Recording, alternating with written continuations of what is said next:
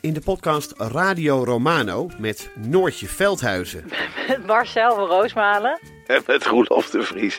brengen we alle drie elke week een zogenaamde signalering mee. Wat heb jij nou weer bij je? En aan het eind bepalen we wie de winnaar van de week is. Echt een angstcultuur Lege huls die je er bent? Ja, dat gaat eigenlijk altijd onvriendelijk. Luister nu naar Radio Romano bij Podimo. Via podimo.nl slash Radio Romano luister je 30 dagen gratis. De strijd om de miljoenen van Siewert van Liende is losgebarsten. Zowel de staat als zijn stichting eisen de mondkapjeswinst terug.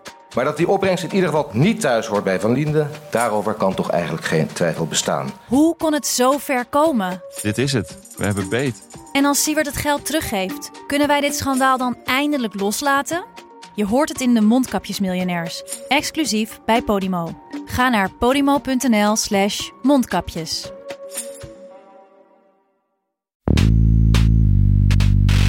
Nou, dat zit zeker lekker, hè, dat plush. En, en alsof ik het doe voor plush. En ja, lieve schat, eh, plush, waar dan? Hoe dan? Ik heb het nog nooit gevoeld, weet je. Dit is veel eerder een spijkerbed. Dit is Betrouwbare Bronnen met Jaap Jansen.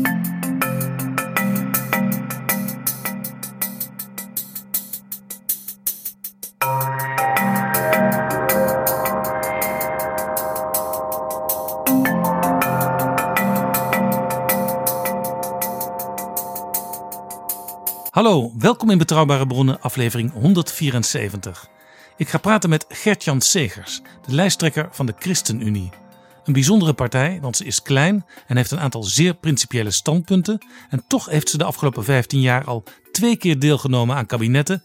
En ook als ze niet in een kabinet zat, was de ChristenUnie vaak bereid om vanuit de Kamer te helpen. Ik ben nieuwsgierig naar die partij en ook naar de persoon van de lijsttrekker. Welkom in Betrouwbare Bronnen, Gert-Jan Segers. Dankjewel. Dit is Betrouwbare Bronnen. Laat ik beginnen met een aantal korte persoonlijke vragen. Welke herinnering is zo belangrijk voor u dat u er nog vaak aan denkt? Zo, dat zijn er veel. Eh, dan moet ik kiezen. Ehm, voor mij is het bijvoorbeeld heel belangrijk. Ik heb regelmatig gerefereerd aan mijn periode in Egypte. Eh, zo vaak dat Arjen Lubach daar een heel leuk item van heeft gemaakt. Ja, zeven jaar in Egypte. Zeker. Segers woonde jarenlang in Egypte. We hebben als gezin zeven jaar in Egypte gewoond. We hebben zeven jaar in Egypte gewoond. Ik heb in Egypte gewoond. Ik heb zeven jaar in Egypte gezeten. Ik zat toen in Egypte. Dus dat deed ik eerder in eh, Egypte, omdat ik zeven jaar in Egypte heb gewoond. Oké, oké. Uh-huh. Segers die heeft dus, mogen we zo langzamerhand wel concluderen, in Egypte gewoond, toch? Zeven jaar in Egypte? Echt serieus hoor. Heeft hij, ja. Maar daar heb ik gezien wat het is om als minderheid te leven. Dus dat zijn koptische christenen die zich eigenlijk te gast voelen in hun eigen land. Die het gevoel hebben dat ze altijd genadebrood moeten eten. Daar is voor mij heel, nog veel dieper de overtuiging gegroeid dat je altijd moet opkomen voor minderheden en voor de gelijkheid van iedereen. En dat iedereen gelijke rechten heeft.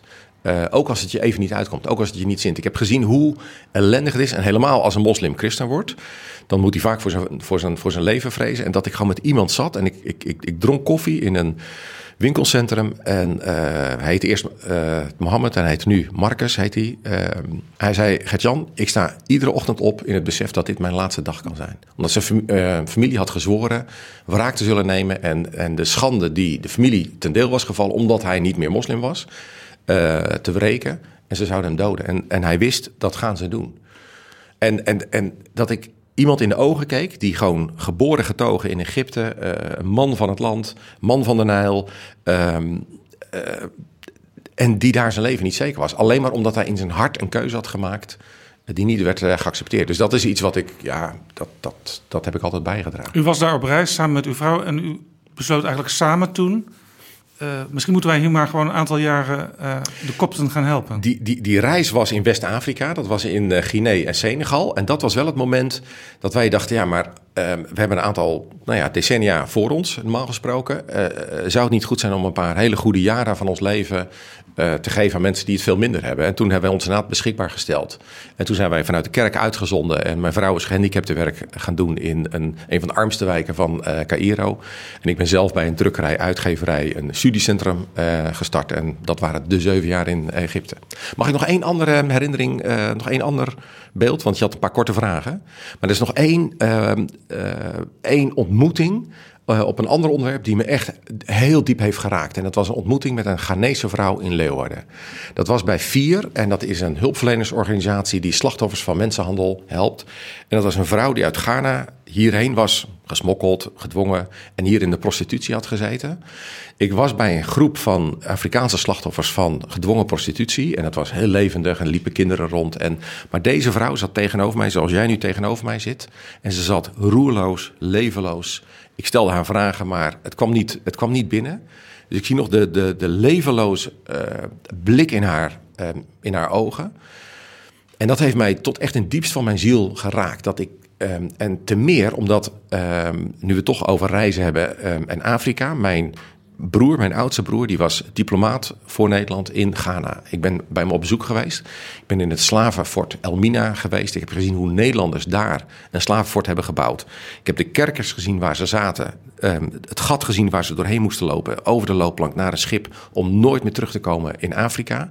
En boven bij de gouverneur, de Nederlandse uh, gouverneur, hing een bijbeltekst aan de muur. En dat heeft me ook diep geraakt. En dat kwam terug toen ik tegenover die vrouw zat. En toen dacht ik dat wat we, waarvan we dachten dat we het 150 jaar geleden hebben afgeschaft, is springlevend. Het is slavenhandel, het is gedwongen, men, gedwongen prostitutie, is slavenhandel, is mensenhandel en is even slecht en even immoreel als wat we 150 jaar geleden deden. En het gaat door en we doen het onder het mom van vrijheid en ruimdenkendheid. Wat was die Bijbeltekst die daar hing? Dat weet ik niet meer. Ik denk dat het een psalm was, maar dat kan ik opzoeken. Maar dat, dat, dat weet ik niet meer. Maar, het, maar dat het, is dus dezelfde een... Bijbel waar exact. u zoveel aan ontleent. Exact, exact. En dat iemand daar zat in alle tevredenheid... en nog even dat schilderijtje nog even recht hing... tevreden op die tekst keek... En onder zijn voeten was er de kerker waar de mensen zaten te kermen en te, te, te, te jammeren omdat ze uh, tot slaaf waren gemaakt en omdat ze naar een land zouden worden gevoerd uh, wat ze niet kenden en omdat ze nooit meer zouden terugkomen in het land waar ze geboren waren. Dat hemeltergende onrecht, uh, inderdaad met een, met een, met een, met een vroom laagje bedekt, dat hemeltergend onderricht gaat door tot de dag van vandaag. En dat raakte mij in die ogen van die vrouw. Dus dat is voor mij ook een, een startpunt geweest. Een heel belangrijk moment geweest om me voor te nemen. Ik zal alles doen wat ik kan om gedwongen prostitutie en mensenhandel tegen te gaan. Ja, u zei net bij dat, bij dat eerste voorbeeld, hè, toen u besloot in Egypte te gaan werken, hoe dominant daar vanuit de machthebbers het beroep op de islam is om dingen te doen die je kunt verafschuwen. Een van uw collega's in de Tweede Kamer, Kees van der Staaij, die zegt: de islam is een vals godsdienst. Ja. Zegt u dat ook? Het is niet de waarheid. Dus uh, de kern van de islam staat, naar mijn geloofsovertuiging, uh, haaks op de kern van het evangelie. maar hier moet je twee dingen zeggen. Dus het eerste is, ja, het staat haaks op elkaar. Um, uh, als je teruggaat naar de kern van het EVG, je, dus, je ziet een enorme variatie aan denominaties en stromingen uh, in de wereldkerk. Maar het gaat allemaal terug naar Jezus, die de Zoon van God is, die aan het kruis is gestorven, die begraven is, opgestaan. En voor ons de belichaming is van de hoop. Van al die dingen zegt de islam het is niet waar. Jezus is niet de zoon van God. Hij is niet aan het kruis gestorven. Hij is niet begraven, opgestaan. Ja, dan haal je het hart uit het evangelie weg. Dus dan kan ik niet zeggen, nou ja, dat is een smaakverschil. Of ja, verschillende wegen leiden naar Rome. Nee, dat staat haaks op elkaar. Dat is het eerste wat ik zeg. Het tweede wat ik zeg met dat verhaal van Egypte in mijn achterhoofd. Een moslim in Nederland die zich aan de wet houdt, heeft exact dezelfde rechten en plichten als ik heb. Dezelfde vrijheid. En daar zal ik altijd voor staan. Als Geert Wilders dan zegt: we gaan moskeeën verbieden of we gaan de Koran verbieden. Dan sta ik tegenover Geert Wilders. En zeg je, je, je mag nooit de middelen van de overheid aangrijpen om iets waarvan jij gelooft dat waar is, of iets wat jij gelooft dat onwaar is, om dat ofwel te bevorderen ofwel te bestrijden. En voor mij is dat de reden geweest om, uh, ik ben in de SGP het nest grootgebracht.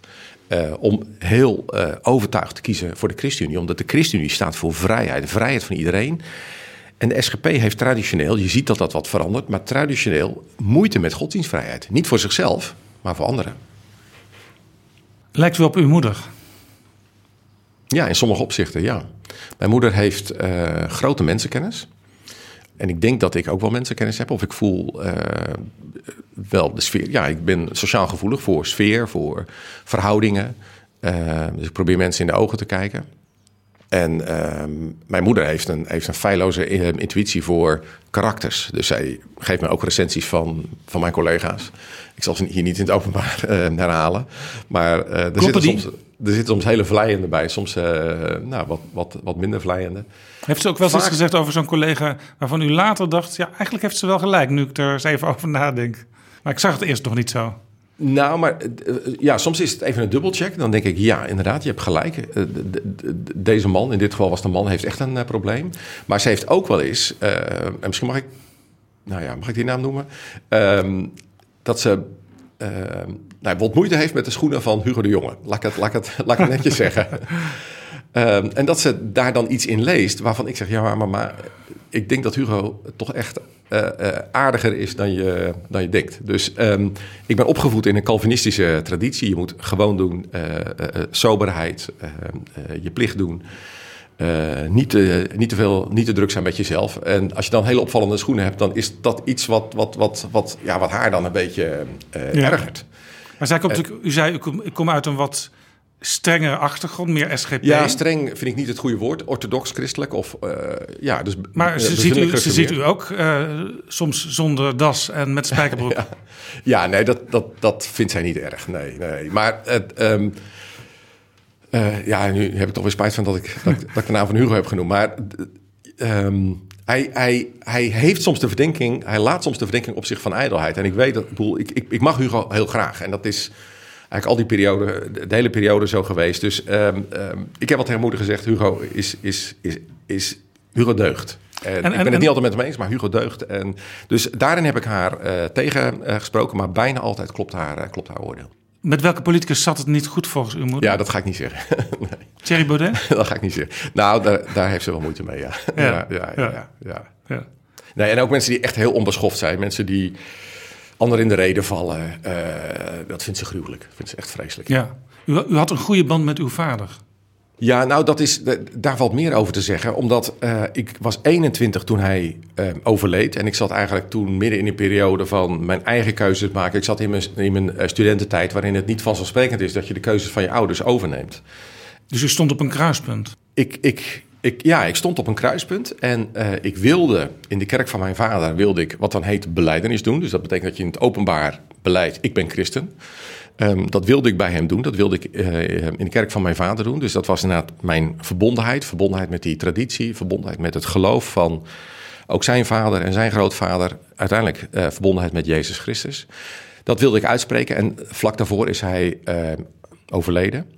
Maar het was ook een periode waarin ik ook wel voelde, ja, maar ik ga ook wel andere keuzes maken dan, dan hij heeft gemaakt. En aan het eind van zijn leven was het ook wel zwaar voor hem. Het was, hij zat in een, in een burn-out of hij was er net uit en hij was daarmee aan het struggelen. Dus dan ben je ook niet heel flexibel uh, in je geest. Dus het, het, het botste ook wel. Dus, ja. uh, Had u hem zeg maar, op een rustige manier willen vertellen waarom u bepaalde keuzes anders maakte? Ja. En ik had heel graag zeg maar, door mijn wat stormachtige, uh, het was niet helemaal meer puberteit, maar adolescentie heen. Als ik daar doorheen was gegaan, had ik heel graag met hem uh, op een terras gezeten.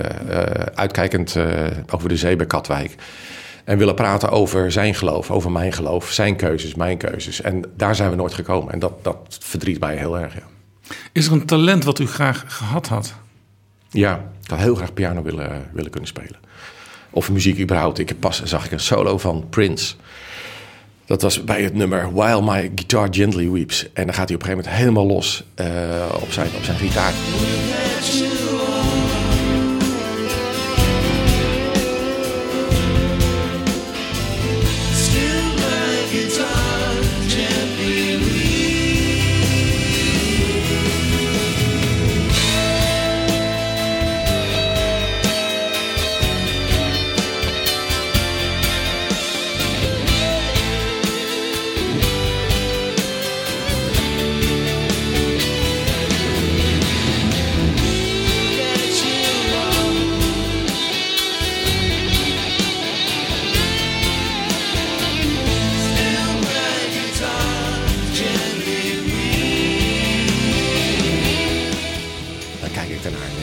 Van een andere planeet. En dat had ik zo graag willen spelen. Of ik zie iemand piano spelen. Mijn oudste broer kan heel mooi piano spelen. Die kan met zijn ogen dicht, kan die een beetje mediterend kan die spelen. Waarom dan maar- kijk ik daarnaar en denk ik, ach, Ja. ik wou dat ik dat kon. While My Guitar Gently Weeps is ook een voorbeeld van een nummer van de Beatles. Ja. Wat nog mooier kan worden als het door iemand anders Ja. gespeeld wordt. Ja. Dat geldt voor mij bijvoorbeeld ook voor With a Little Help from My Friends door Joe Cocker. Joe Cocker. Joe Cocker vind ik prachtig. Ja, die gooit heel zijn ziel en zaligheid erin. Die, eh, met zijn rauwe stem. Ja, zeker. Ja. Wat zijn volgens uw vrienden uw beperkingen? Eh, beperking is dat ik eh, te, te veel ja zeg. Dat ik te veel beloof. eh, omdat ik ehm, toch wel in goede verstandhouding met de meeste mensen in mijn naaste omgeving wil leven. En het dan moeilijk vind om een deadline te, houden, te halen. Moeilijk vind om ergens op tijd te zijn. U wilt goed doen, maar het kan ook te goed zijn. soms. Ja, te veel. Dat ik te veel op mijn schouder neem. En er zijn ook vrienden die mij bestraffend toespreken. eh, dat in niet-coronatijd, als ik dan weer naar een zaaltje ging in eh, eh, verre eh, oorden, ergens ver weg bij mijn, bij mijn woonplaats, dat mensen zeiden: joh, gast, neem eens een avond vrij. Doe eens, doe eens rustig aan. Kom eens met ons praten in plaats van weer proberen de wereld te redden. Dus, ik, ik, ja, dus die mateloosheid, ik denk dat, dat daar zijn ze wel eens kritisch op. Ja. Wat is uw grootste twijfel?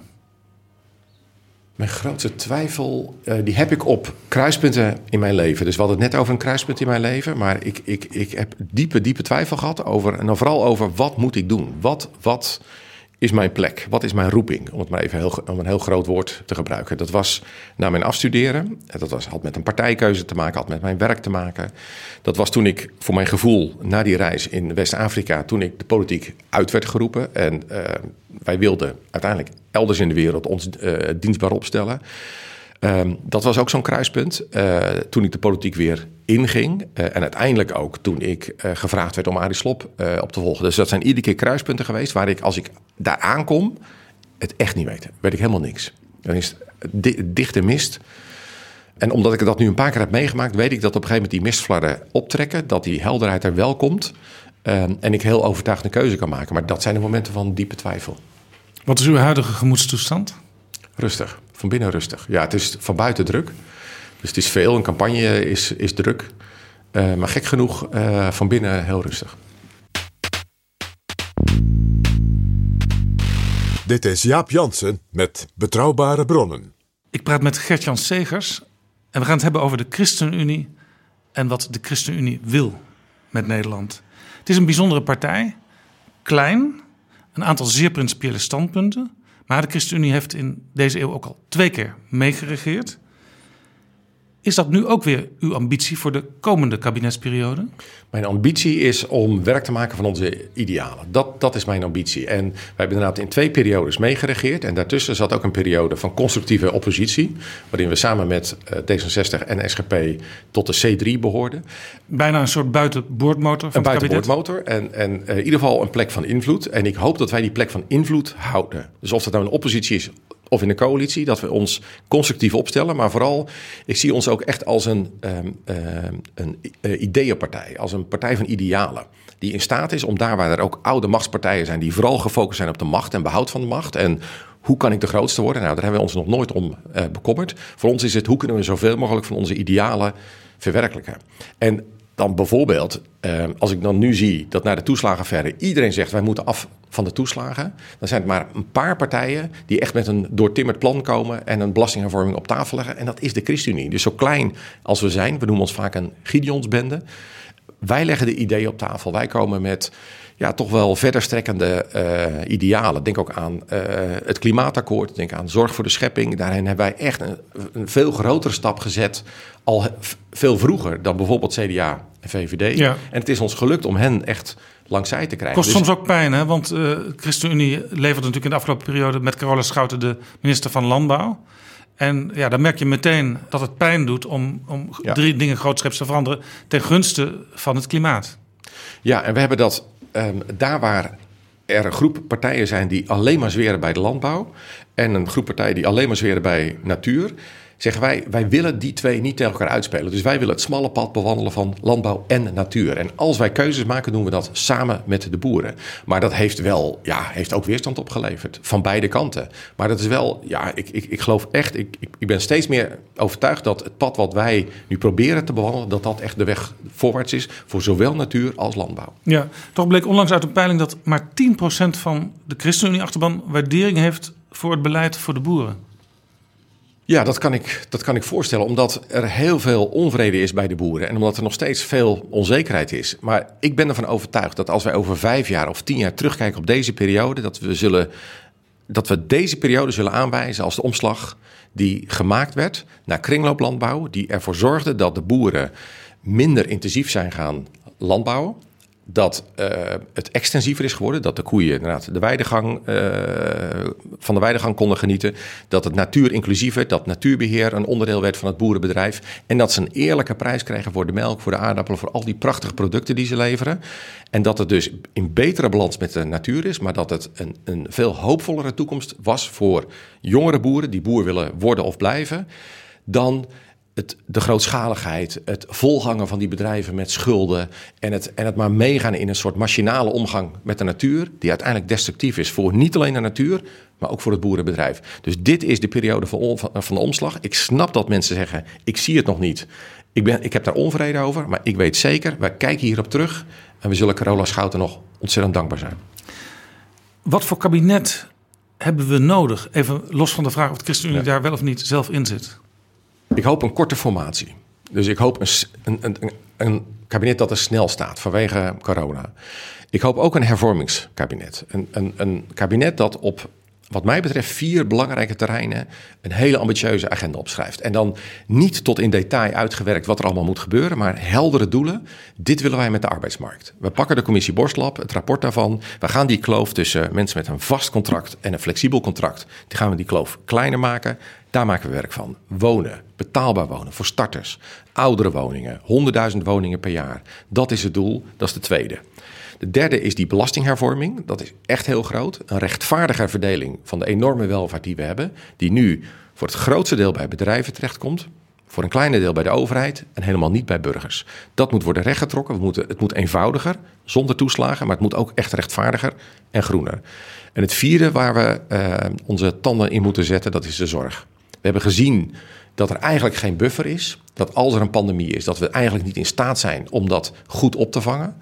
Uh, hoe zorgen we voor zorg dicht bij huis, maar die ook dit soort extreme omstandigheden kan, uh, kan opvangen. Dus dat zijn wat mij betreft de, de, de vier. Dus arbeidsmarkt, wonen, belastinghervorming en zorg.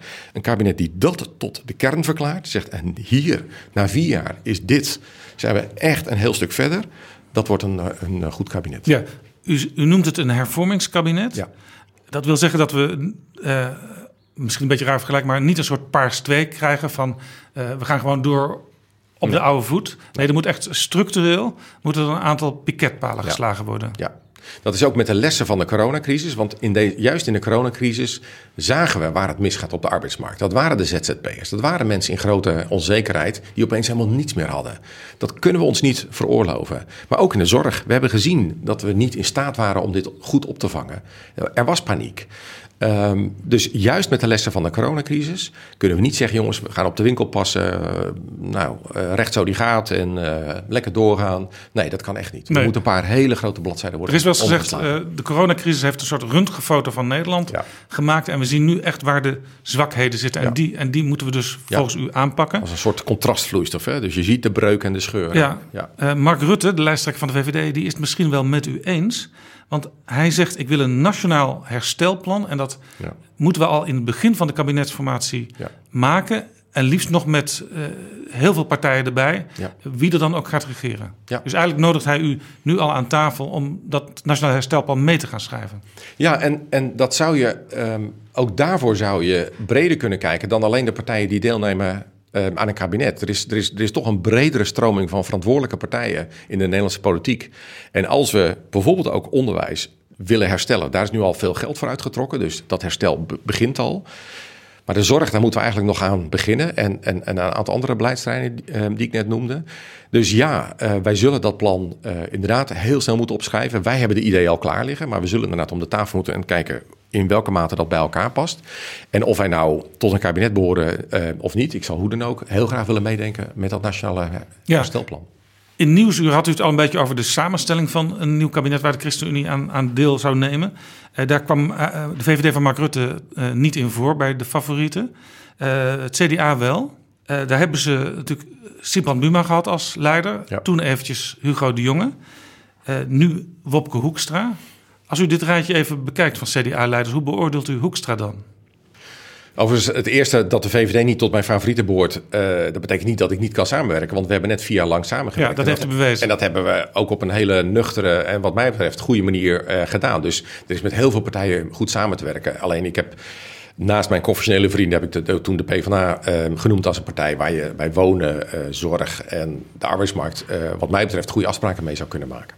Maar dat terzijde, hoe beoordeel ik Bob ja, ik vind het lastig om hem te recenseren. Dus ik praat liever over zijn plannen dan over zijn persoon. Ja, want ja. Ik, ik, ik, nee, maar dat ik, valt in de verkiezingstijd samen, zou je kunnen zeggen. Ja, maar ik respecteer hem als, als persoon heel erg. Dus, dus er zijn gewoon goede um, verstandhoudingen en die hou ik graag goed. Alleen ik maak me wel zorgen over de accentverschillen en, en de keuze die hij heeft gemaakt. Ook bij het vaststellen van het verkiezingsprogramma. Dus hij mocht een paar jokers mocht hij inzetten. En als ik dan zie waar hij die inzet, dan maak ik me echt wel zorgen. Dan, dan, dan vind ik ook dat hij andere accenten legt en andere keuzes maakt dan Hugo de Jonge deed. Hij zegt bijvoorbeeld: je moet het rapport Borstlab uitvoeren om de arbeidsmarkt te hervormen. Hè? Minder flex, meer vast. Ik hoorde u dat net ook zeggen. Ja, maar je moet wel blijven nadenken. Dus je moet echt dat ook op zijn eigen merites beoordelen. Dus ja, ik wil met Borstlab de kloof tussen vast en flex wil ik kleiner maken. Mensen meer zekerheid bieden. Uh, zeker ook jonge mensen, dat ze sneller een vast contract hebben, daardoor een huis kunnen kopen, toekomst krijgen. Alleen wat hij zegt, hij pakt ook een element eruit wat ik echt heel onverstandig vind. En dat is die WW verkorten van twee jaar naar één jaar. Er is nog maar een, een beperkte groep die van die twee jaar WW gebruik kan maken. Dat zijn oudere mensen. Dat zijn nou juist de mensen die heel moeilijk weer aan de bak komen. Dus de mensen in de grootste onzekerheid, die nu nog dan twee jaar WW hebben, die pak je die laatste zekerheid, dat, dat, dat extra jaar, zou je afpakken. Ja, ik vind dat echt onverstandig in ja. een tijd van hij grote zegt, onzekerheid. Hij zegt wel, de WW uh, moet, wat ho moet hoger. Dat zei Borstlab ook. Borstlab zei ook, het mag tot een jaar beperkt worden, uh, want je moet er nog dingen omheen doen. En daarvan zegt Wop Koekstra, dat willen wij als CDA ook. Uh, namelijk uh, mensen extra helpen weer gekwalificeerd te zijn voor een volgende baan. Daar ben ik helemaal voor. Uh, alleen hij boekt ook een bezuiniging van 600 miljoen in voor die verkorting van de WW. De WW is al enorm verkort. Van zeven jaar, iedere keer met allemaal stapjes in de afgelopen twee decennia. Helemaal verkort tot nu maximaal twee jaar voor die oudere groep. Als je daar nog eens een keer wat van afhaalt in een tijd van onzekerheid. Als je in een tijd van hoogconjunctuur daar nog eens een keer een, een, een, een losse gedachte over loslaat, kan ik het nog ergens plaatsen. Maar dat je dit nu zegt, dat, dat vind ik echt onbegrijpelijk. Mensen zijn onzeker, weten niet wat en nu na de coronacrisis, welke bedrijven gaan omvallen? Want we hebben nu kunstmatig allerlei bedrijven in leven gehouden, mensen hun baan laten, laten behouden. Maar wat treffen we straks na de coronacrisis aan? En in die onzekerheid zeggen, nou weet je wat, we gaan nog eens even wat extra zekerheid van je, van je weghalen. Buitengewoon onverstandig, niet doen. Ja, economen die zeggen, en dat, je ziet het ook wel bij de doorrekening van het Centraal Planbureau, in de komende kabinetsperiode komen we eigenlijk niet meer terug op het uh, economische uh, welvaartsniveau van toen corona intrad. Hè. Dat, dat duurt nog wat langer voordat we dat terug zullen hebben. Dat is ook een reden waarom eigenlijk alle partijen nu zeggen... we gaan in principe niet bezuinigen. Ja. Maar u zegt dus ook, je moet dit soort hervormingen... die dus ook best wel pijnlijk kunnen zijn in eerste instantie... die moet je gewoon in deze periode niet doorvoeren. Nou, ik vind dus wel dat je met die arbeidsmarkt uh, aan de slag moet en dat die kloof kleiner moet. Kijk, een idee wat ook in Borstlab staat, is bijvoorbeeld dat je uh, bij een vast contract van 100% dat je een flexibele schil inbouwt van bijvoorbeeld 20%. Dat je 80% is een harde kern en die 20% ademt mee met ofwel de winst van het bedrijf ofwel moeilijke tijden. Dat betekent dat je niet heel snel allerlei mensen moet ontslaan, maar dat je iedereen een heel klein beetje laat inleveren zodat je door een crisis heen komt. Nou, dat is ook iets van zekerheid inleveren. Wat ik wel een aantrekkelijke eh, gedachte. Dat vind ik een interessant plan. Dat is veel minder vergaand dan dat je zegt: we gaan de WW nu uh, inkort. Dus ik vind dat je met borstlap aan de slag moet. Ik vind dat je uh, met die arbeidsmarkt aan de slag moet. Maar je moet heel goed kijken welke zekerheid je bij mensen vandaan wil halen. Juist in een tijd van, van grote onzekerheid. Ik ben daar heel terughoudend. Ja, dit is een voorbeeld van waar u van Bob Hoekstra zegt: ja, dat zou niet mijn keus zijn. Sterker nog, ik vind dit een hele verkeerde ja. koers. heeft u nog meer van die elementen ontdekt nu in die, die korte tijd dat Bob Koekstra het CDA Nou, dan kijk je toch even naar de jokers die hij heeft ingezet bij zijn verkiezingsprogramma. Dat, was, dat raakte uh, artikel 23, uh, de onderwijsvrijheid. Uh, dat raakte... Het CDA zegt overigens, wij gaan artikel 23 niet herschrijven. Dat blijft nee. gewoon zo in de grondwet staan. Maar voor mij moeilijk te begrijpen dat daar waar artikel 23 onder druk staat en die onderwijsvrijheid vaak wordt aangevochten, dat je er ook zelf aan gaat morrelen. Uh, uh, we hebben een prachtig systeem. Ja, maar het CDA zegt, wij vinden dat iedereen uh, welkom moet zijn ja. op een school en ook zich niet in de hoek gedrukt hoeft te voelen. Bijvoorbeeld omdat hij homoseksuele gevoelens heeft en dat dat eigenlijk afgewezen wordt door de ideeën van zo'n school. Ja, je moet altijd kunnen zijn wie je bent. Dus, en dat is onderdeel van die vrijheid. Hè. Dus een vrijheid is nooit onbegrensd. Ook onderwijsvrijheid is niet onbegrensd. Maar de keuzevrijheid die we op dit moment hebben, uh, daar is het overgrote deel, ik geloof 90% van de ouders is daar heel tevreden over. Uh, het leidt niet tot uh, segregatie en het leidt tot een kwalitatief sterk onderwijsbestel waar mensen met hart en ziel of dat nou een pedagogische visie is of een levensbeschouwelijke visie, mensen met hart en ziel uh, zich voor inzetten, daar moet je niet aankomen. Maar dat is één onderwerp waar hij een. een maar maar, een maar toch nog even, hè, want er zijn, er, zijn, er zijn altijd jongens en meisjes die of uh, nu of later, als ze eenmaal van school af zijn, ja, toch zeggen: Ik had niet altijd het idee dat nee. ik met die gevoelens welkom was op die nee. plek. Nee, en dat vind ik heel erg. En dat heb ik, uh, want er is, uh, is uh, wat was het een paar weken geleden, ophef over artikel 23 en een ouderverklaring. en toen Arie Slop uitlegde, wat is nou onderwijsvrijheid, hoe, hoe werkt het in het land? Nou, leidde dat tot grote ophef. Ja, Arie Slop, de minister van Onderwijs. Precies. En Arie Slop verdedigde onderwijsvrijheid, ik verdedig onderwijsvrijheid. Maar toen kwam ook pijn van mensen naar boven die zeiden, ik zat op zo'n school en ik vond het moeilijk. Ik vond het moeilijk om mijzelf te zijn, omdat ik homo ben. En daar moet ik heel goed naar luisteren. Die mensen moet ik in de ogen kijken. Wat is jouw verhaal? Wat is er gebeurd? Um, en dan weet ik dat bijvoorbeeld het reformatorisch onderwijs... dat dat ook echt een omslag aan het maken is en ook wil maken... dat bijvoorbeeld de school waar mijn oudste zus werkt... dat die expliciet als doel heeft... wij willen een homovriendelijke school zijn. Dit moet een plek zijn waar jongeren in, in vrijheid en veiligheid uit de kast kunnen komen. Nou, dat steun ik, die lijn steun ik. Uh, die veiligheid en vrijheid moet echt gegarandeerd zijn in elke school van Nederland, van welke denominatie dan ook. Maar dat staat niet haaks op vrijheid. Dat staat niet haaks op de vrijheid om een school te stichten die past bij jouw geloofsovertuiging of jouw pedagogische opvatting. Dus daar moet je niet aan morrelen. Maar homohaat of onveiligheid moet je altijd bestrijden. Ja, maar, maar blijkbaar zegt het CDA artikel 23, prima artikel. Maar de wetten zijn er ook nog in Nederland en die moeten we misschien iets aanscherpen om mensen een iets comfortabeler plek te geven. Ja, ik zou niet weten welke wet. Discriminatie uh, is verboden. Uh, je mag niemand afwijzen om wie die is. Uh, dus ik zou niet weten welke wet zij dan precies zouden willen, willen aanscherpen. Om, om, dus ik, ik, ik sta naast hen. Uh, als de inzet is, wij willen een, een, een veilig klimaat voor elke jongere. ook homo-jongeren die vaak vaker suïcidale gedachten hebben, voor wie het vaak moeilijk is om uit de kast te komen. Uh, in welke context ook, want soms is het nog moeilijker op de voetbalvereniging of nou ja, waar dan ook, of in een klas van een openbare school. Dat kan ook heel, heel, heel spannend zijn. Elke klas, elke school, elke plek in Nederland moet een veilige plek zijn voor iedereen, zeker ook voor ja, Voordat ik u onderbrak, u wilde nog een punt noemen bij het CDA? Ja, hij, uh, Wop Koester heeft nog een paar andere jokers ingezet. Dat was uh, geen uh, medische specialisten niet in loondienst. Nou, dat vind ik, dat, dat, dat vind ik merkwaardig. Helemaal in combinatie ja, het met... Staat nu geloof ik in het CDA-programma... nieuwe medische specialisten wel in loondienst, bestaande niet. Ja, wat mij betreft allemaal. Want het, daar wordt soms echt goud geld verdiend. Terwijl um, de IC-verpleegkundige te weinig verdient en daar moet echt bij. Daar willen we ook meer geld bij, maar dan is het niet rechtvaardig om aan de bovenkant zulke goudgarande regelingen te hebben. Uh, dus dat was de inzet in combinatie met het niet verhogen van het minimumloon. Dat vond ik ook heel merkwaardig. Ja, Wop Koekstra zegt, uh, het gaat mij erom wat er onder de streep staat en dat moet omhoog. Dus in feite zegt hij wel, een verhoging van het minimumloon. Ja, maar ik zou niet weten hoe je dat dan zou kunnen, kunnen bereiken. Want met, het, met de verhoging van, het, van het minimumloon verhoog je ook de bijstand en verhoog je ook de AOW. Dus je tilt echt iedereen die aan die onderkant zit, til je, til je op. Ik zou niet weten met welke, dus, dus met welke belastingverlaging je datzelfde effect zou kunnen hebben. Nee, maar dat effect wil volgens mij het CDA niet en de VVD ook niet. Die willen niet die koppeling met de uitkering. Nee, en ik wil dat wel. Want er zijn werkende armen. Er zijn mensen die werken, maar echt het nauwelijks of niet kunnen rondkomen. Die help je met verhoging van het minimumloon. Zelfs de VVD wil het. Dat is ook heel hard nodig. Uh, je biedt daarmee ook jongeren sneller, meer zekerheid. Maar daarvan profiteren ook AOW'ers en mensen in de bijstand, die, die natuurlijk ook, voor wie het ook heel krap is. Dus um, je doet iets goed voor een hele grote groep en het is rechtvaardig. Het is een rechtvaardige uh, verdeling van onze welvaart.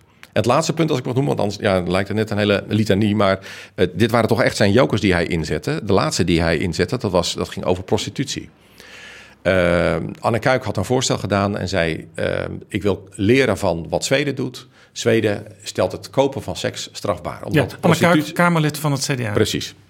Uh, dus die had dat, nou, wat mij betreft, een dapper voorstel had zij gedaan. Uh, groot in de media. Feitelijk een verbod op prostitutie, want... Nou, uh, heel belangrijk onderscheid. Het is geen jacht op sekswerkers, prostituees. Die hebben alle vrijheid. Dat zijn al vaak kwetsbare groepen. Daar moet je niet, die moet je echt ongemoeid laten. Die moet je helpen. Die moet je een nieuwe toek toekomst bieden.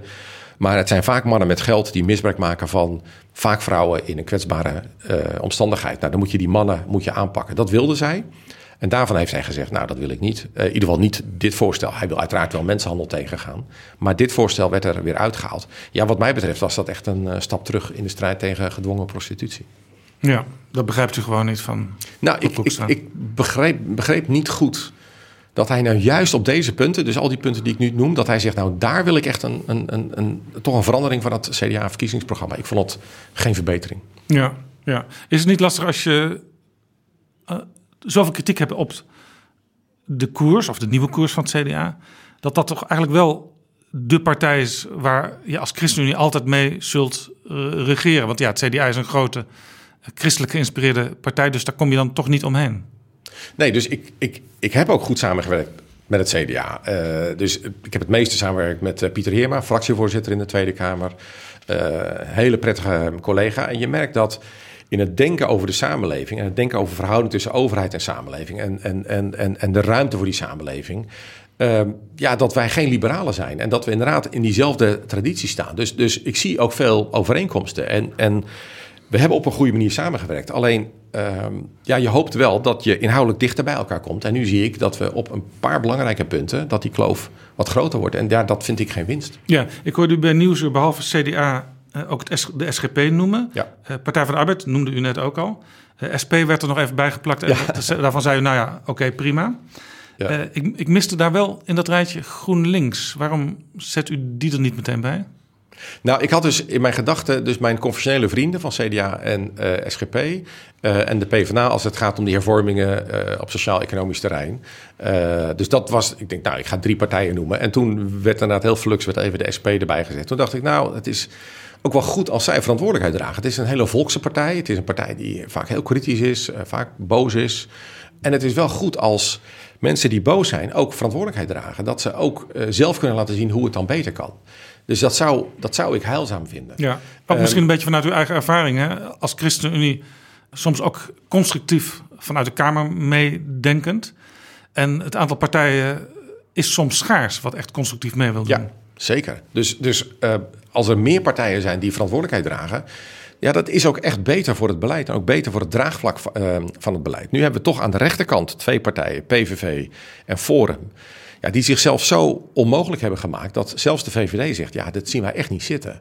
Maar dat betekent wel dat je een hele grote groep kiezers eigenlijk geen stem geeft in het, in het, in het, in het landsbestuur. En dat is uit democratisch oogpunt heel onbevredigend. Dus inhoudelijk ben ik het ermee eens, want ik zie het ook niet zitten. Hoe moet ik nou met, met Thierry Baudet samenwerken? Ik, ik, ik, ik, ik geen idee. En als, als Geert Wilders onderwijsvrijheid en godsdienstvrijheid... Uh, nog een keer met die les van de koptische christenen in mijn achterhoofd dat wil inperken voor één groep. Hoe kan ik daar ooit, ja. ooit mee in zee gaan? Dus inhoudelijk zie ik het niet zitten. Alleen uit democratisch oogpunt is het heel onbevredigend, omdat je veel mensen met grote zorgen bijvoorbeeld zegt: ja, jullie zullen dan niet ieder geval, in ieder geval niet aan de tafel van een, van een formatie Nee, zitten. ik was vier jaar geleden op bezoek bij het christelijk lijsttrekkersdebat van het Nederlands Dagblad. Dat was in Ede in een hele grote zaal. Ja. Eh, en daar sprak ik, ik werkte toen voor BNR Nieuwsradio, eh, een aantal jongeren. En ik vroeg, waar gaan jullie op stemmen? En ik ging ervan uit, nou, dat zal een van de drie partijen worden, CDA, ChristenUnie of SGP, die hier debatteren. Maar er waren toen vier jaar geleden een aantal jongeren die zeiden, nou, Thierry Baudet vind ik ook wel interessant. Hoe, hoe verklaart u dat, dat dat in die christelijke kring toch blijkbaar ook leeft? Ja, dat, eh, je ziet vooral de aantrekkingskracht bij eh, de SGP-jongeren. Dus meer een SGP-achterban. En voor een, bij, ook bij het conservatievere deel van het CDA. En ook bij, denk ik, misschien een, een, een, een, flank ergens bij ons. Maar wij hebben daar minder last van dan de andere twee partijen. Dus ik heb bij hen prominente partijleden gezien... die overstapten naar Forum en daar echt een plek in namen. Dat heb ik bij onszelf heb ik dat eh, niet gezien. Maar hoe verklaar ik dat? Ja, er zijn ook conservatieve christenjongeren die het gevoel hebben... wij worden gemarginaliseerd. Wij komen in de hoek te zitten waar de klappen vallen. En er is een soort links-liberale elite, een soort paarse elite... die de toon aangeeft en die heeft het voor het zeggen. En dat de christelijke traditie, eh, die marginaliseert. Misschien ook wel vanwege eh, immigratie. En dan kan jouw wereldbeeld zijn dat de vijand van jouw vijand... wel eens jouw vriend zou kunnen zijn. Dus als die Thierry Baudet flink tekeer gaat tegen datzelfde paars. Tegen die, die, diezelfde nou ja, grachtengordel-elite of, of, of, of welke beeldspraak ook maar wordt gebruikt. Dan kan dat even heel aantrekkelijk lijken. Ja, totdat je even heel goed gaat kijken, maar waar staat Thierry Baudet nou voor? En welke appjes verstuurt hij? En wat gaat er dan rond in die jongerenkring? Hoe denken zij over Joden? Hoe denken zij over mensen van kleur? Ja, dan mag ik toch echt hopen. En hoe denken ze over de SGP? Want we hebben ook Thierry Baudet gehoord over de SGP... dat het een zwak soort christendom was... waar je geen kruistocht meer mee, eh, mee, eh, mee won. Dat waren geloof ik zo ongeveer Ja. zijn woorden. Terwijl de SGP nog ongeveer de, de laatste, De laatste vriend, eh, van, vriend in van, de Tweede Kamer was. is. Dus de laatste vriend heeft hij buiten zijn partij heeft hij ook weggejaagd. En binnen zijn partij heeft hij al zijn vrienden ook weggejaagd. Dus er zit iets destructiefs in zijn spreken en in zijn denken. Waarvan ik hoop dat, waarvan ik hoop, ik hoop dat hij bij zinnen komt en dat hij, dat hij, dat hij ja, toch redelijker wordt en en een andere opstelling heeft. Maar in ieder geval, ik hoop dat voor 17 maart mensen wel even kijken. Maar wie is, wie is hij dan en waar staat hij voor?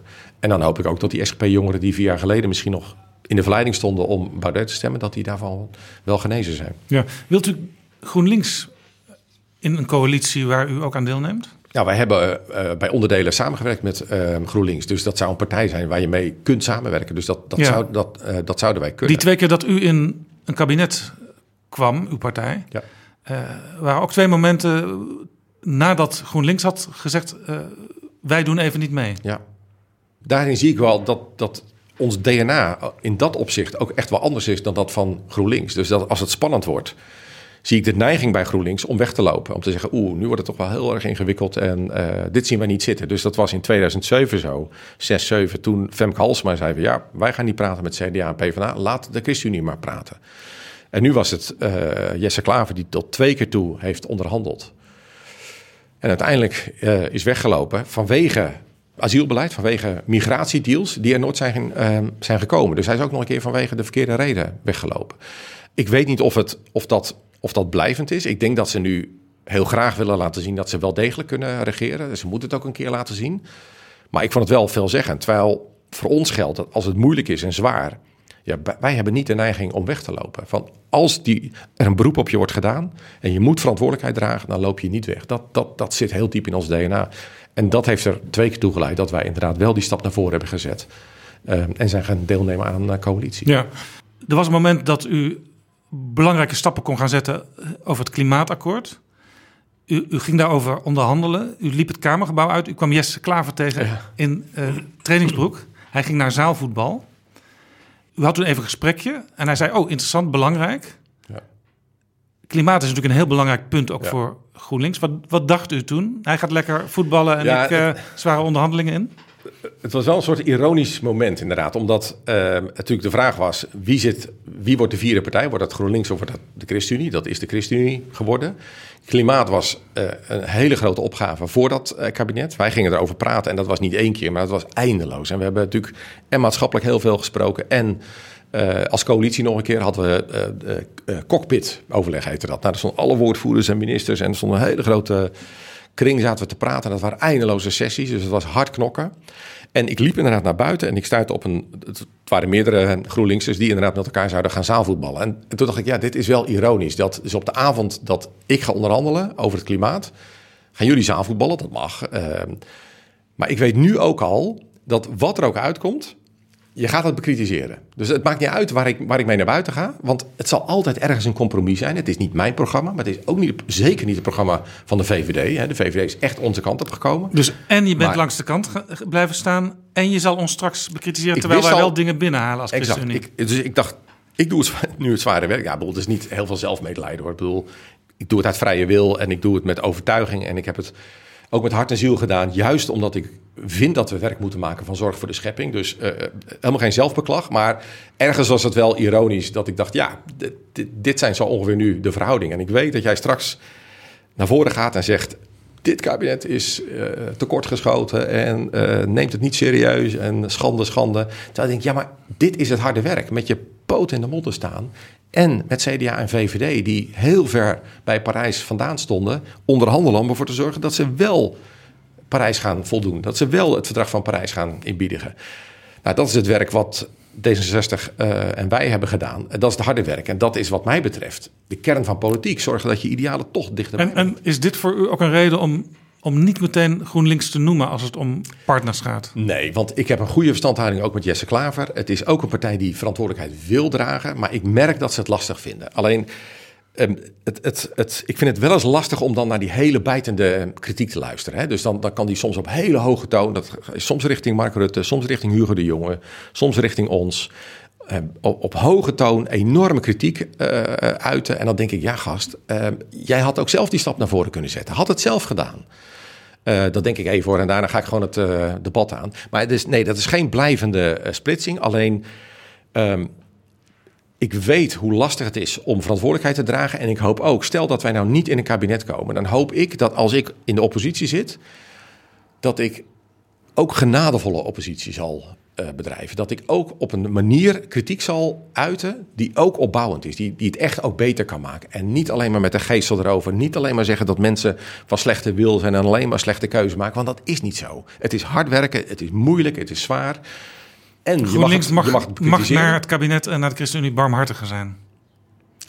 Eh, ik ga over mijn eigen woorden, zij gaan over hun eigen woorden. Dus uh, uh, weet je, hij moet het echt doen op de manier waarop hij het wil. Alleen, uh, ik heb wel heel vaak gedacht, dit is wel makkelijk. En dat dacht ik ook wel eens bij de PvdA. En dacht ik ook wel eens bij de SP. Ook wel eens bij anderen. Dat je denkt, ja, wij hebben 33 sessies in die cockpit gehad.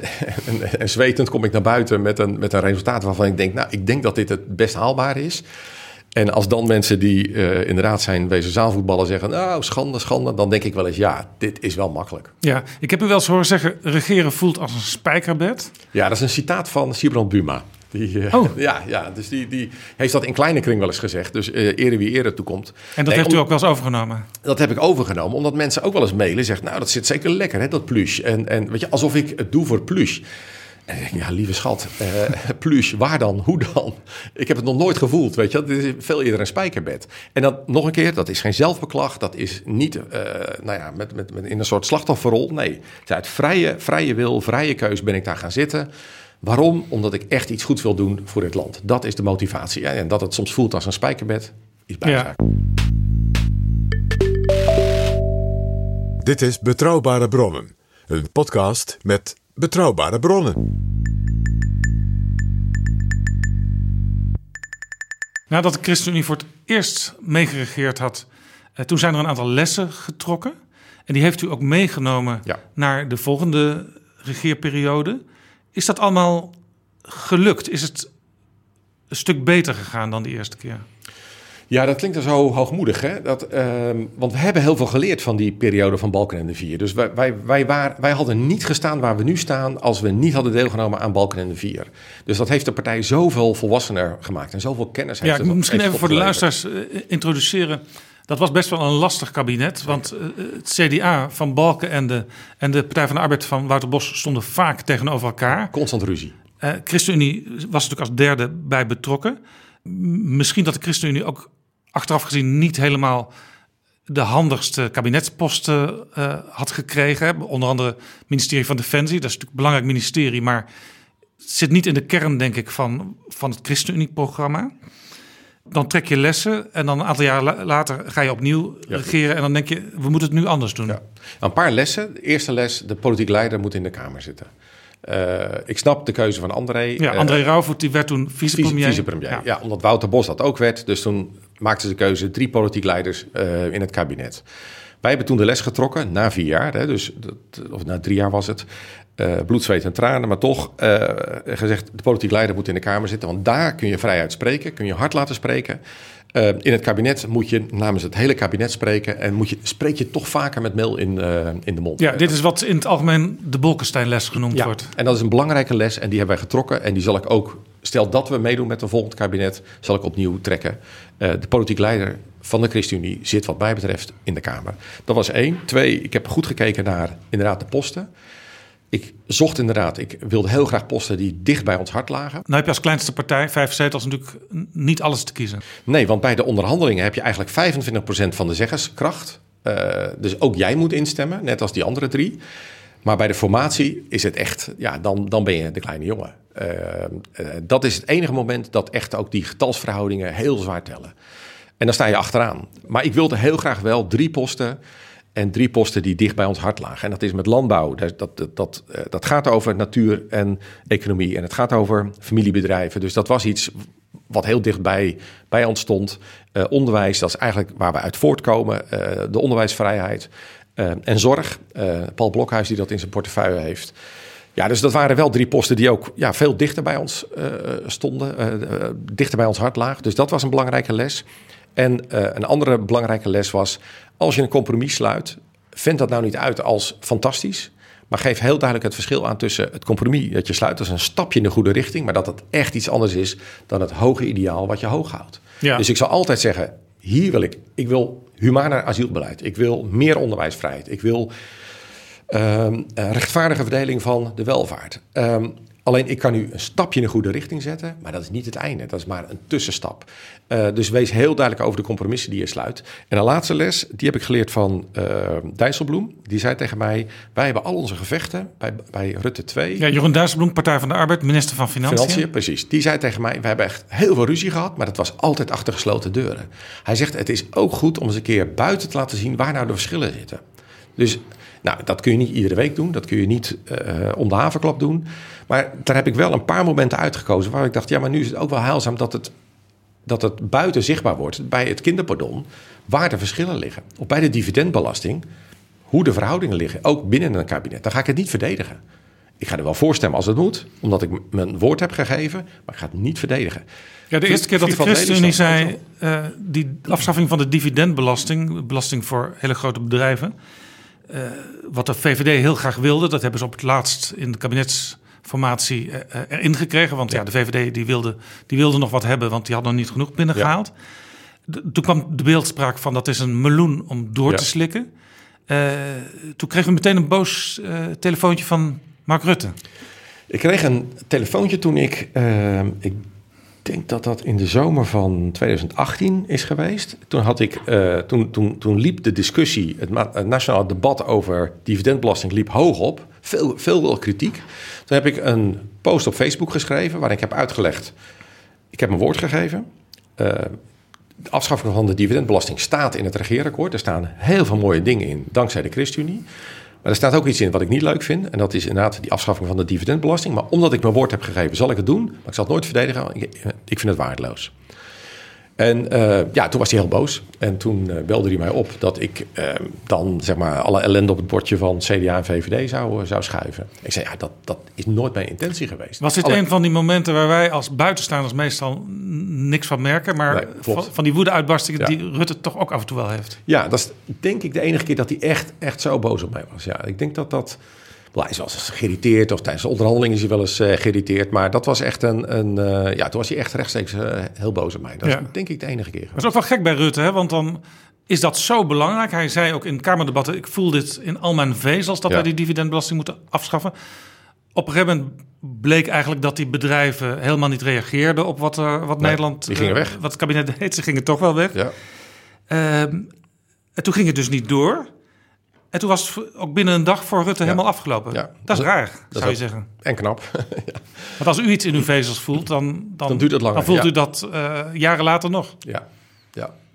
ja, en misschien is dat ook wel de eigenschap die je misschien op die plek moet hebben. Ik weet het niet. Maar nee, dat, is, dat, dat gaat dan met een snelheid. Dus, dus je bent een jaar lang ben je tegen heugenmeug dat aan het eh, verdedigen. En dan is het eigenlijk met één sms'je, met één wenteling van de omstandigheden, is het, is het weg. Eh, ja, dat is een hele bijzondere vaardigheid. Ja. Maar hij bezit die. U zei op het ChristenUnie-congres... de prijs voor coalitiedeelname wordt hoger. Waar wordt die hoger? Op die vier terreinen die ik, die ik noemde. Dus dat was. eh, eh, dus dat, dat zijn echt die grote, die grote hervormingen waar ik echt meer wil bereiken. Klimaat, arbeidsmarkt, woningmarkt, belastingenzorg. Ja. Vijf tel ik er zelfs. Ja, klimaat erbij, dat is inderdaad ook eh, ja, een vijfde, de vijfde uitdaging. En dan zijn er twee onderwerpen eh, die heel gevoelig liggen. Dat is asiel en migratie en eh, ethiek, medische ethiek. Ehm, ja, als wij aan die tafel zouden zitten, dan ehm, zijn dat wel ook twee terreinen waar je, waar, waar je, waar je toch de verschillen moet pacificeren. Waar je toch dan moet zoeken naar en hoe, zou dat een, hoe zouden we daar een begaanbare weg kunnen, kunnen bewandelen. Die zie ik nog niet, die, dat weet ik niet. En ik weet ook niet of het nodig is om daarover na te denken. Dat, dat zal er echt van afhangen wie dan om die tafel zitten. Ehm, maar de, de, de inzet wordt hoger, omdat ik echt op die terreinen... ik wil niet op de winkel passen, maar dan zou ik echt grote veranderingen willen.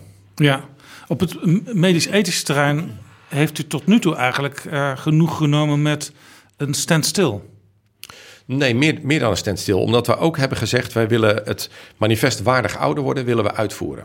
En dat is betere palliatieve zorg. Ja, maar dat is- was eigenlijk voor andere partijen... eh, ook voor D66, waar u zich dan wel eens tegenover die- stelt, geen probleem. Sterker, eh, Alexander Pechtold heeft het manifest ondertekend vier jaar geleden. Dus het kwam uit onze koker. We hebben daar toen veel steun voor eh, gekregen, ook maatschappelijk. En toen in een discussie, in een tv-discussie met hem, heeft hij gezegd: Ik steun je. Dus dat was geen st- standstill, omdat we toen hebben gewerkt aan betere zorg voor ouderen, waardoor zij Ja, ja. minder snel Maar tot op de punten waarop het toch botst, eh, accepteerde u een standstill de afgelopen periode. Eh, ja, omdat, omdat eh, op die vlakken ik ook niet zag hoe ik, hoe ik vanuit mijn perspectief nog een stap voorwaarts zou kunnen zetten. Maar er zijn een paar hele belangrijke punten. Bijvoorbeeld als het gaat over embryo kweken of het, sleutelen in het DNA van, van, van embryo's. Eh, maar ook inderdaad het voltooid leven. Ja, dat zijn hele gevoelige thema's. Ehm, waar we nog niet helemaal uitgepraat zijn en uitgediscussieerd. Maar ja, dat, dat, dat, dat zijn voor mij wel hele wezenlijke thema's. Omdat het gaat over bescherming van menselijk leven. De waardigheid van menselijk leven. Dus ja, veel zwaarder krijg je, krijg je de thema's niet aangereikt. Ja, nou zo bij voltooid leven. eh, daar, daar ligt nu een wet voor door D66 ingediend. Met heel veel voorwaarden omkleed. Het gaat ook pas vanaf 75 jaar oud. eh, eh, zou je ervoor in aanmerking komen. En, en dat, dat lijkt nu binnenkort wel aan de orde te komen. Want D66 zegt, Pia Dijkstra, Kamerlid... eh, wij willen het nu wel gaan afhandelen. Ja, dat kan. Dat, dat, dat mogen zij vinden. Dus ze hebben alle vrijheid daartoe om dat debat aan te gaan. Mijn boodschap aan D66, maar aan alle andere collega's zou zijn... ehm, al zou je niet naar mij willen luisteren, luister naar Paul Snabel, oud D66-senator. Luister naar eh, KNMG, de artsen. Luister naar de verpleegkundigen. Luister naar de psychiaters en psychologen... die allemaal zeggen, dit is geen begaanbare weg. Dus iedereen die ergens rond dat bed staat... eh, eh, die zegt, je kunt een gezond iemand... want dit gaat over gezonde mensen. Gezond van lichaam, gezond van geest. Alleen maar omdat ze 75 jaar of ouder zijn... en het leven niet meer zien zitten... kun je niet zeggen, hier heeft u een zelfdodingspil. Of een injectie. Ik heb artsen gesproken die zeggen: Ik heb meegewerkt aan eh, euthanasie. Dat was buitengewoon belastend. Maar dat was in een terminale fase waarin mensen geen uitzicht hadden op genezing. En we de pijn en de aftakeling wilden voorkomen. Maar dat was heel belastend om een einde aan een leven te maken. Die arts zei tegen mij: Hoe zal ik ooit een spuit kunnen zetten in het lichaam van een gezond iemand? Nooit. Dat kan een arts niet. En nu wil je nog een keer van de overheid horen: Wij vinden het prima. Waarom? Als je 25 jaar bent en je hebt die wens, dan zeggen we: we gaan je helpen. Bel alsjeblieft 113 en we willen jou het leven, eh, jouw leven zo verbeteren en jou zo helpen dat je die gedachte niet meer hebt. En een oudere die het gevoel heeft: ik ben eenzaam of ik ben anderen tot last of nou, ik, ik heb er geen zin meer in. Zeggen we alleen maar omdat je 75 jaar of ouder bent, mag jij uit het leven stappen? Gaan we jou helpen daarbij? Wat voor visie op ouder is dat? Wat voor visie op kwetsbaarheid is dat? Ik, ik, ik kan niet geloven dat een merendeel van Nederland en een merendeel van politieke partijen zegt... dat lijkt ons nou een humane oplossing. Dat is het niet. Nee. We hadden het straks over uh, Wopke Hoekstra, de nieuwe leider van het CDA. De, de nieuwe leider van D66 is Sigrid Kaag. Ja. Hoe kijkt u naar haar, ook, ook in dit verband? Want ze heeft er hier ook al wat uitspraken over Ja. gedaan.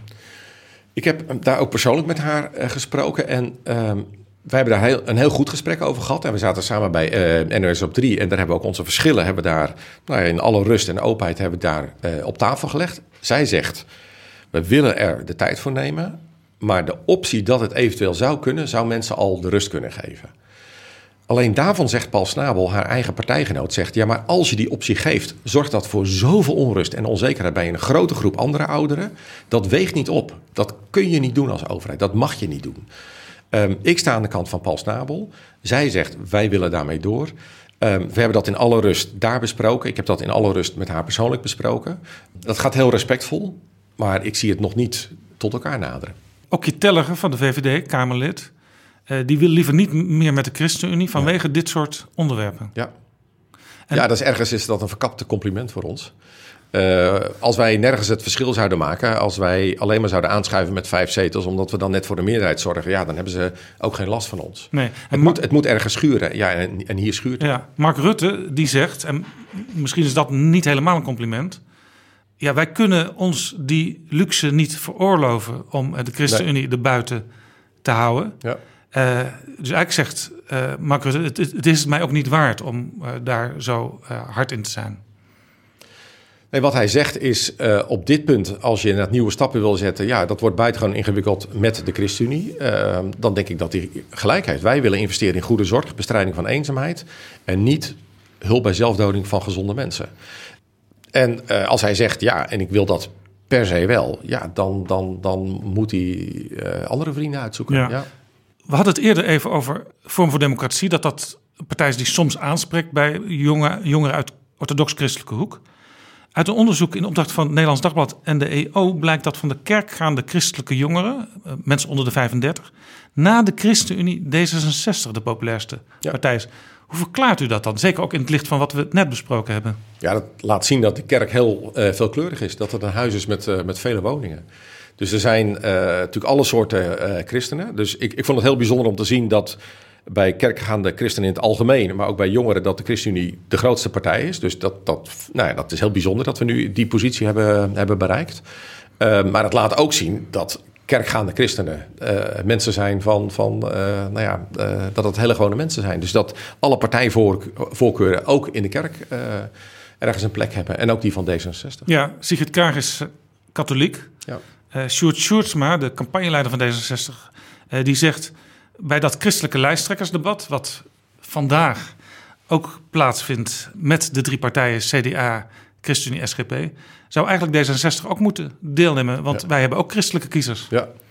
Nou, dat, ja, ik ga niet over het uitnodigingsbeleid. Dus eh, dat, dat gaat wel echt eh, het Nederlands Dagblad zelf. Maar wat ik heel, heel, heel fijn vind, eh, en dat is echt een verbetering ten opzichte van eerdere vertegenwoordigers van D66. Denk aan Loeswies van der Laan, die uitgesproken anti-kerkelijk waren. Die echt anti-klericaal, die ook helemaal los konden gaan op invloed van het Vaticaan in, in, in, in, in Brussel. Ja, zij En- was zelfs voorzitter van een werkgroep in het Europees Parlement eh, die zich met deze dingen bezighield. Eh, dat zal Sofie in het veld zijn geweest, eh, waarschijnlijk, of niet? Of was dat eh Loeswies van der Laan? Misschien ben ik in de, misschien Ja, allebei. allebei, Ja. want, want als, eh, zij zijn inderdaad verte- eh, vertegenwoordigers van een, van een, van een, van een eh, eh, uitgesproken seculiere stroming... of secular, secularistische stroming, anticlericale stroming binnen D66.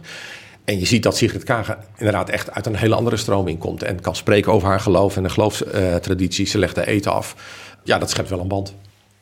Nog even, nog even één vraag over eh, dat voltooid leven. Als dat door het parlement zou worden aangenomen, dan zegt u dat is voor de ChristenUnie eh, het eindpunt in een kabinet. Wij gaan dat niet uitvoeren. Nou, het is altijd ongemakkelijk om dan over breekpunten te spreken. En journalisten vragen dan, dan, dan eh, eh, daarnaar. Dus ik probeer zo lang mogelijk inhoudelijk het debat te voeren. Tegelijkertijd is er alle ruimte en vrijheid van D66 om het in te dienen en te debatteren en, en, en dat te doen waarvan zij denken dat nodig is. Ehm, alleen als er dan van mij wordt gevraagd, in helemaal aan het eind, van, en dat moet je nu gaan uitvoeren. En, en je zit in een kabinet en onze bewindslieden zitten daar en die zijn mede verantwoordelijk voor die uitvoering. Een invoering van die wet. Hè, want het gaat echt om invoering. Uh, want we voeren wel meer dingen uit waar wij moeite mee hebben. Uh, maar echt, dat kabinet moet het gaan invoeren, moet het mogelijk gaan maken.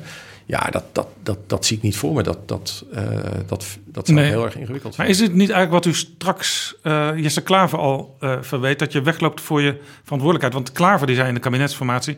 voor ons GroenLinks is dat asielbeleid zo belangrijk... wij kunnen niet meegaan aan de plannen die hier nu voor liggen. Dat zegt u nu in feite ook.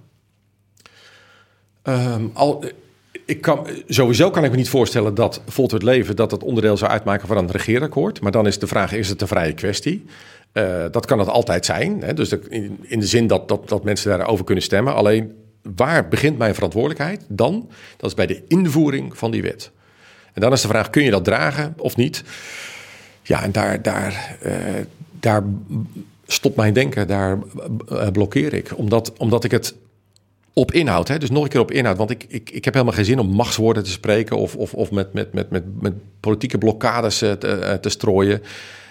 Als samenleving sta je op een kruispunt. Wat doe je tegenover een ouder iemand die zegt: Ik zie het niet meer zitten? Wat is je humane antwoord? Ja, ik kan me niet anders voorstellen dat de meerderheid, zowel in de Kamer als in die samenleving, zegt: Maar het humane antwoord is altijd die stap extra gaan en die stap extra hulp geven die zij nodig hebben. En niet helpen bij het beëindigen van ja. gezond leven. Toch is er ook in uw partij wel eens gezegd, uh, Nico Schipper bijvoorbeeld, die ook uh, de evaluatie heeft gedaan van eerdere kabinetsdeelname, die zei toen: uh, je moet eigenlijk niet zoveel nadruk leggen in campagnes op zaken als voltooid leven. Want er zijn mensen die de ChristenUnie een hele prettige, goede, interessante partij vinden. Maar dit weerhoudt ze net om op de ChristenUnie te stemmen. En dit zou ons wel eens een paar zetels kunnen kosten. Nou, wij zijn nooit bezig met, met maximalisatie van, van uh, stemmen in de zin van ik moet dat zeggen wat leidt tot het meeste aantal stemmen. Ik moet vooral zeggen waar ik zelf uh, in geloof. Wat ik ook merk is dat er mensen zijn van seculiere huizen. Iemand als Paul Snabel is van D66. Heeft hij naar gekeken en zegt dit moet je niet doen. Er zijn ook heel veel mensen die zeggen jongens maar dit is heilloos. Ik wil niet in zo'n samenleving leven die dit tegen oudere mensen zegt. En die zeggen joh er zijn heel veel dingen bij de ChristenUnie die ik niet prettig vind. Maar dit is voor mij zo belangrijk. Ik stem juist wel op de ChristenUnie ook als niet-gelovige. En ik heb eerlijk gezegd, als ik nu een beetje de signalen oppik, het idee dat dat aandeel dat dat, dat, dat groeit. Dus ik denk dat het nu eerder uh, andersom is, dat mensen juist vanwege dit standpunt zeggen: ja, maar wat is nou de partij die hier heel uitgesproken over is en die hier ook nou ja, hele heldere positie in kiest? Ja, dat is toch de ChristenUnie. Ja. U zegt de ChristenUnie wil um, op een aantal hoofdpunten een hervormingskabinet ja. neerzetten straks. In ieder geval steunen. U zegt ook, er moet een korte regeerakkoord ja. komen. U houdt eigenlijk ook niet van dat maandagse overleg tussen de fractievoorzitters en de premier en de vicepremiers. Uh, maar is dat toch niet heel lastig voor een partij met nu maar, misschien straks iets meer, maar nu maar vijf zetels? Als je helemaal niks vastlegt, ja. dan kun je ook snel het onderspit delven. Ja. ja, over dat maandagoverleg, daar moet ik nog over nadenken. Van moet je daar nou echt een streep doorheen halen? Maar waar we voor moeten oppassen, is dat we niet in een vroegtijdig stadium alles helemaal dichtregelen in heel klein verband. En eigenlijk zowel het parlement als de ministerraad voor een voldongen feit plaatsen. Dan, dan haal je ook wel heel veel intern debat en parlementair debat haal je maak je onmogelijk. Of in ieder geval snij je, snij je de pas af. En dat is gewoon niet gezond. Dus ik denk dat het wel eens te veel is geweest. Het leidt wel tot een zekere stabiliteit, politieke stabiliteit. Uh, het feit dat dit kabinet bijna de rit heeft uitgezeten, terwijl het vier hele verschillende partijen zijn geweest. En eigenlijk niemand bij de start van dit kabinet geloofde dat het de rit helemaal zou uitzitten. Um, maken we toch die vier jaar vol. Uh, ook al is het nu in demissionaire uh, staat. Um, maar toch, dat komt ook doordat er goed overleg is geweest. Dus ja, wij zullen ook uiteindelijk in zo'n coalitie steeds die afweging moeten maken. Kunnen we dingen meemaken of niet? Maar ik kijk toch naar bijvoorbeeld wat we hebben gedaan met pensioenen en wat we hebben gedaan met klimaat. Daar hebben we doelen afgesproken. Hebben gezegd, dit willen we bereiken. We hebben een paar middelen opgeschreven. Heel grofmazig eigenlijk gezegd, zo zouden we het kunnen, kunnen bereiken. Maar vervolgens hebben we het maatschappelijke debat gevoerd. Het politieke debat uh, met de oppositie. En zijn er twee breed gedragen akkoorden zijn eruit voortgekomen. Dat vond ik een heel mooi proces. En dat geeft ook een zekere rust en een lange termijn focus. In dit geval pensioen en klimaat. Maar dat kun je ook bij de arbeidsmarkt voorstellen. Kun je ook voorstellen bij een belastinghervorming en bij wonen. Uh, de zorg. Dus ik zou veel liever dan willen dat we de doelen en heel uh, veel grofmaziger opschrijven. Zo zou je het kunnen bereiken. En we laten dat nu even over aan de vakministers, de woordvoerders, het maatschappelijke debat, eh, het maatschappelijk en politieke overleg. Ik denk dat je dan ook tot betere besluitvorming komt dan dat je in die snelkookpan van een formatie tot in detail zinnen opschrijft waarvan je nou ja, daarna vier jaar bezig bent met een soort tekstexegese. En wat hebben nou precies de formateur of de, de mensen om die tafel precies bedoeld? Ik had onlangs een aflevering van Betrouwbare Bronnen die ging over uh, het gebrek aan aandacht in de campagne voor Europa. Ja. Terwijl ik samen met PG Kroeger, met wie ik die aflevering maakte, ja, toch altijd naar Europa kijk als dat is eigenlijk tegenwoordig binnenlands beleid. Want ja. wat wij in Nederland doen en wat er in Europa gebeurt, dat hangt heel erg samen.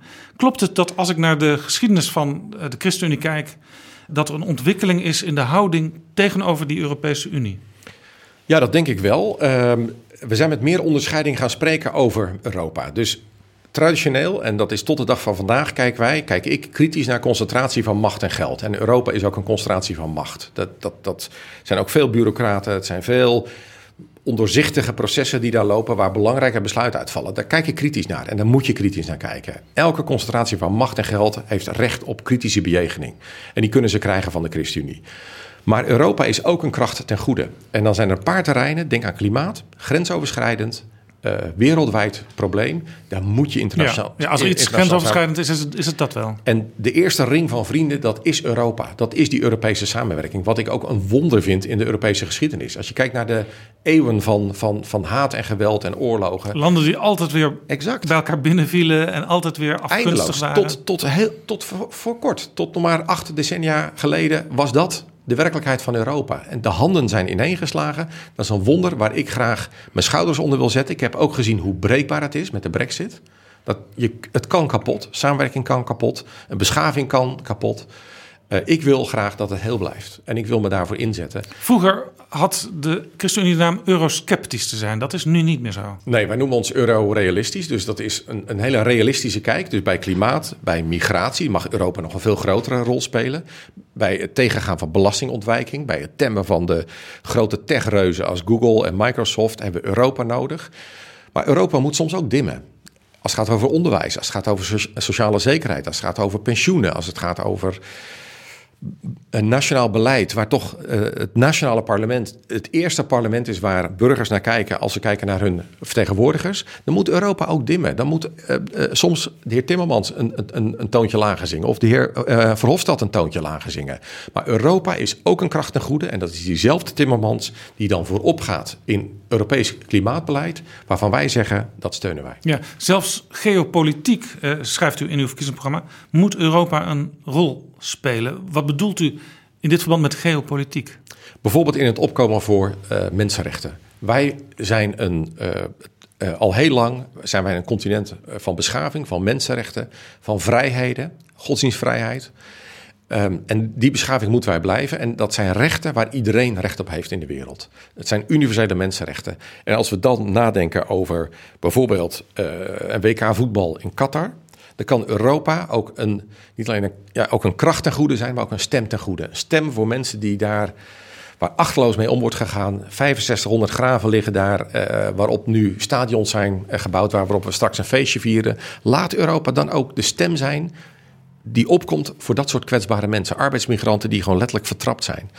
Um, dus, dus, dus dat is een, uh, een, een, positieve kracht die Europa kan ja, zijn. Bij geopolitiek wordt ook altijd gedacht aan de verhouding tussen de andere wereldmachten. Hè? Amerika, China, Rusland. Ja, dat vind ik minder. Dat is voor mij minder een motivatie om uh, zo naar Europa te kijken. Omdat je dan heel erg uitgaat van machtsdenken. Van wij moeten een blok vormen zoals China een, een, een machtsfactor is en zoals Rusland. Maar heb je macht niet nodig? U zit zelf in het kabinet, uw partij. Ja. Dus u geeft daarmee eigenlijk al aan, ja, macht kan nuttig zijn voor de doelen die ik wil bereiken. Macht is helemaal niet verkeerd. Als je macht aanwendt voor het goede, dan heb je macht nodig en is macht heel heilzaam. Uh, dus macht in dienst van recht en van vrijheid uh, is buitengewoon heilzaam. En zo wil ik die Europese macht ook aanwenden. Maar het is niet macht om maar macht te hebben. Dus daar waar het machtsdenken een doel in zichzelf is, want wij moeten een machtsblok vormen, want anderen die zijn dat ook Ja, daar, daar, daar zie ik het nut niet van. Nee, toch las ik ook in uw verkiezingsprogramma dat zelfs op het terrein van defensie het goed is als er meer ook binnen Europa samengewerkt wordt. Zeker. Dus dat wij uh, bijvoorbeeld uh, met onze JSF's samen met België kijken hoe we het luchtruim kunnen, kunnen bewaken. Dat we met onze marine uh, dus binnendringende boten van, van, uh, uh, van Rusland kunnen, kunnen tegenhouden. Hoe we dat soort taken kunnen, kunnen verdelen. Dan zie je dat er een, een vertrouwen is gegroeid met buurlanden. heel direct Duitsland en België, wat heel uniek is. Nog een keer, Duitsland. 80 jaar geleden was dat de grote vijand. En nu hebben we een gemeenschappelijk legerkorps. Ja, dat is ongekend. Uh, en daar is heel veel draagvlak voor. Uh, er is heel veel onderling vertrouwen tussen Duitsland en Nederland, tussen België en Nederland. Dus dat zijn uh, landen met wie je heel goed dat soort defensietaken ook samen kunt delen. Ja. Waar ik geen voorstander van ben, is een Europese defensie. Waar ik geen voorstander van ben, is dat Europa de macht krijgt om al dan niet een oorlog te gaan voeren. Te kunnen besluiten om oorlog te gaan voeren. We hebben een moment gehad in Syrië dat het zo spannend was dat er een rode lijn was getekend. En dat Frankrijk, Verenigd Koninkrijk en de VS onder Obama klaar stonden om Syrië aan te vallen. Maar toen was de kritiek op Obama dat hij dat liet verlopen. Dat hij eigenlijk niet gestand Zeker. deed aan het idee van die rode lijn wordt overschreden. We moeten nu ingrijpen. En toen was bij veel mensen in Europa het idee van ja, misschien moeten we toch zelf ook een mogelijkheid hebben om, om, om zelf iets te doen als Europa. Ja, maar voor mij was dat het moment om, om, om des te meer uh, uh, ervan overtuigd te zijn dat we niet toe moeten naar Europees buitenlands beleid in de vorm van dat Europa kan besluiten, nu gaan wij Syrië aanvallen. Want dat had betekend dat Nederlandse jongens en meiden beschikbaar zouden zijn gesteld voor een oorlog waar ik niet in geloof. Namelijk, je gaat je bemoeien met een Syrische burgeroorlog en dat kan alleen maar als je een redelijke uitkomst uh, kunt verwachten. Een, een, gerechtvaardigde oorlog moet voldoen aan een aantal criteria. Dit was geen gerechtvaardigde oorlog. Hier had je niet redelijkerwijs kunnen denken dat we er ergens goed uit zouden komen. Dat we Jezidis verdedigen, daar was ik voor. Dat je soms humanitair moet ingrijpen, daar was ik voor. Maar je permanent bemoeien met een Syrische burgeroorlog en één partij kiezen. Nou, we hebben het gezien, Nederland heeft dat gedaan in het bevoorraden van ja, toch wel jihadistische groepen in het noorden van Syrië. Ja, dat is een, een, een heilloze uh, keus geweest. Dus toen was ik blij dat dat een nationale soevereiniteit was, of dat het nationale bevoegdheid was om daarover te beslissen. En toen dacht ik, ja, we moeten dus ook echt niet toe naar uh, Europese besluitvorming die besluit over Nederlandse jongens en meiden, of zij nou uh, ten strijde trekken of niet. Want dan ben je ook verantwoordelijk voor als zij onverhoopt niet meer levend terugkomen. Ja, ik, ik had dat in het geval van Syrië nooit, nooit kunnen dragen. Nee, over Europa gesproken tot slot. Uw partij zit tegenwoordig in de groep waar ook het CDA in zit, de Europese ja. Volkspartij in het Europees Parlement. Is dat makkelijk? Gaat dat makkelijk? Nou, wij zaten hiervoor in de ECR-fractie. En dat is een fractie die is begonnen door de Britse conservatieven. Daar voelden we ons goed thuis. Want die hadden een, een soort redelijke opstelling, zeker in Brussel, een soort redelijke opstelling ten aanzien van Europese samenwerking. Maar ook een, een, dat was ook een tegenkracht tegen het duo Duitsland-Frankrijk. Uh, wat wij heel heilzaam vonden. Dus daar hadden we een prettige samenwerking bij. Maar toen de Britten zich terugtrokken, ja, werd dat toch een, een vergaarbak van tamelijk extreme partijen. Waar, waar, waar uh, nou ja, waar het. Uh, Vorm voor Democratie zit er nu ook bij. Uiteindelijk Forum voor Democratie, Althans, maar ook de Poolse. Ja, 21 ja, inmiddels. Ja, de Poolse Peace-partij. En, en, en uh, nee, er zaten in ieder geval was een vergaarbak van, van, van partijen waar wij ons heel ongemakkelijk bij voelden. de EVP is niet nou ja, uh, uh, alleen maar fantastisch. Maar dat is toch een hele brede beweging waar wij onze plek innemen. Waar we veel ruimte krijgen en waar we ons in ieder geval beter thuis voelen dan in de vorige fractie. Ja, en dat betekent verder niks, die samenwerking met het CDA daar voor een eventuele combinatie in de Nederlandse politiek. Uh, nee, dat, nee uh, ik zie niet dat dat uh, zou leiden tot, tot een fusie. Je ziet in de aard dat, dat het CDA is toch een, een partij die uh, ja, toch wel veel meer geïnteresseerd is in een, in een machtspositie. Uh, daar heel erg mee bezig is. Uh, ja, ik zie de ChristenUnie veel meer als een ideeënpartij. als een partij die wel verantwoordelijkheid draagt. Maar tegelijkertijd altijd zal werken aan hoge idealen. dus ik, ik, ik, merk in de aard dat we echt verschillende partijen zijn. Maar die verschillende partijen kunnen wel heel goed samenwerken. En ik zal blijven inzetten op goede samenwerking, ook met het CDA. Dank u wel voor dit gesprek. Graag gedaan.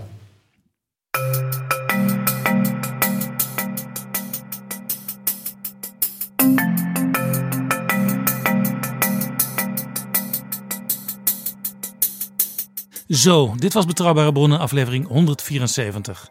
Deze aflevering is mede mogelijk gemaakt door vrienden van de show. Luisteraars die ons steunen met een donatie. Dat is inmiddels al meer dan 300 keer gebeurd. Dankjewel. En wil jij ons ook helpen? Ga naar vriendvandeshow.nl/slash bb.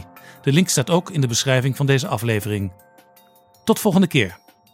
Betrouwbare bronnen wordt gemaakt door Jaap Jansen in samenwerking met dag en nacht.nl.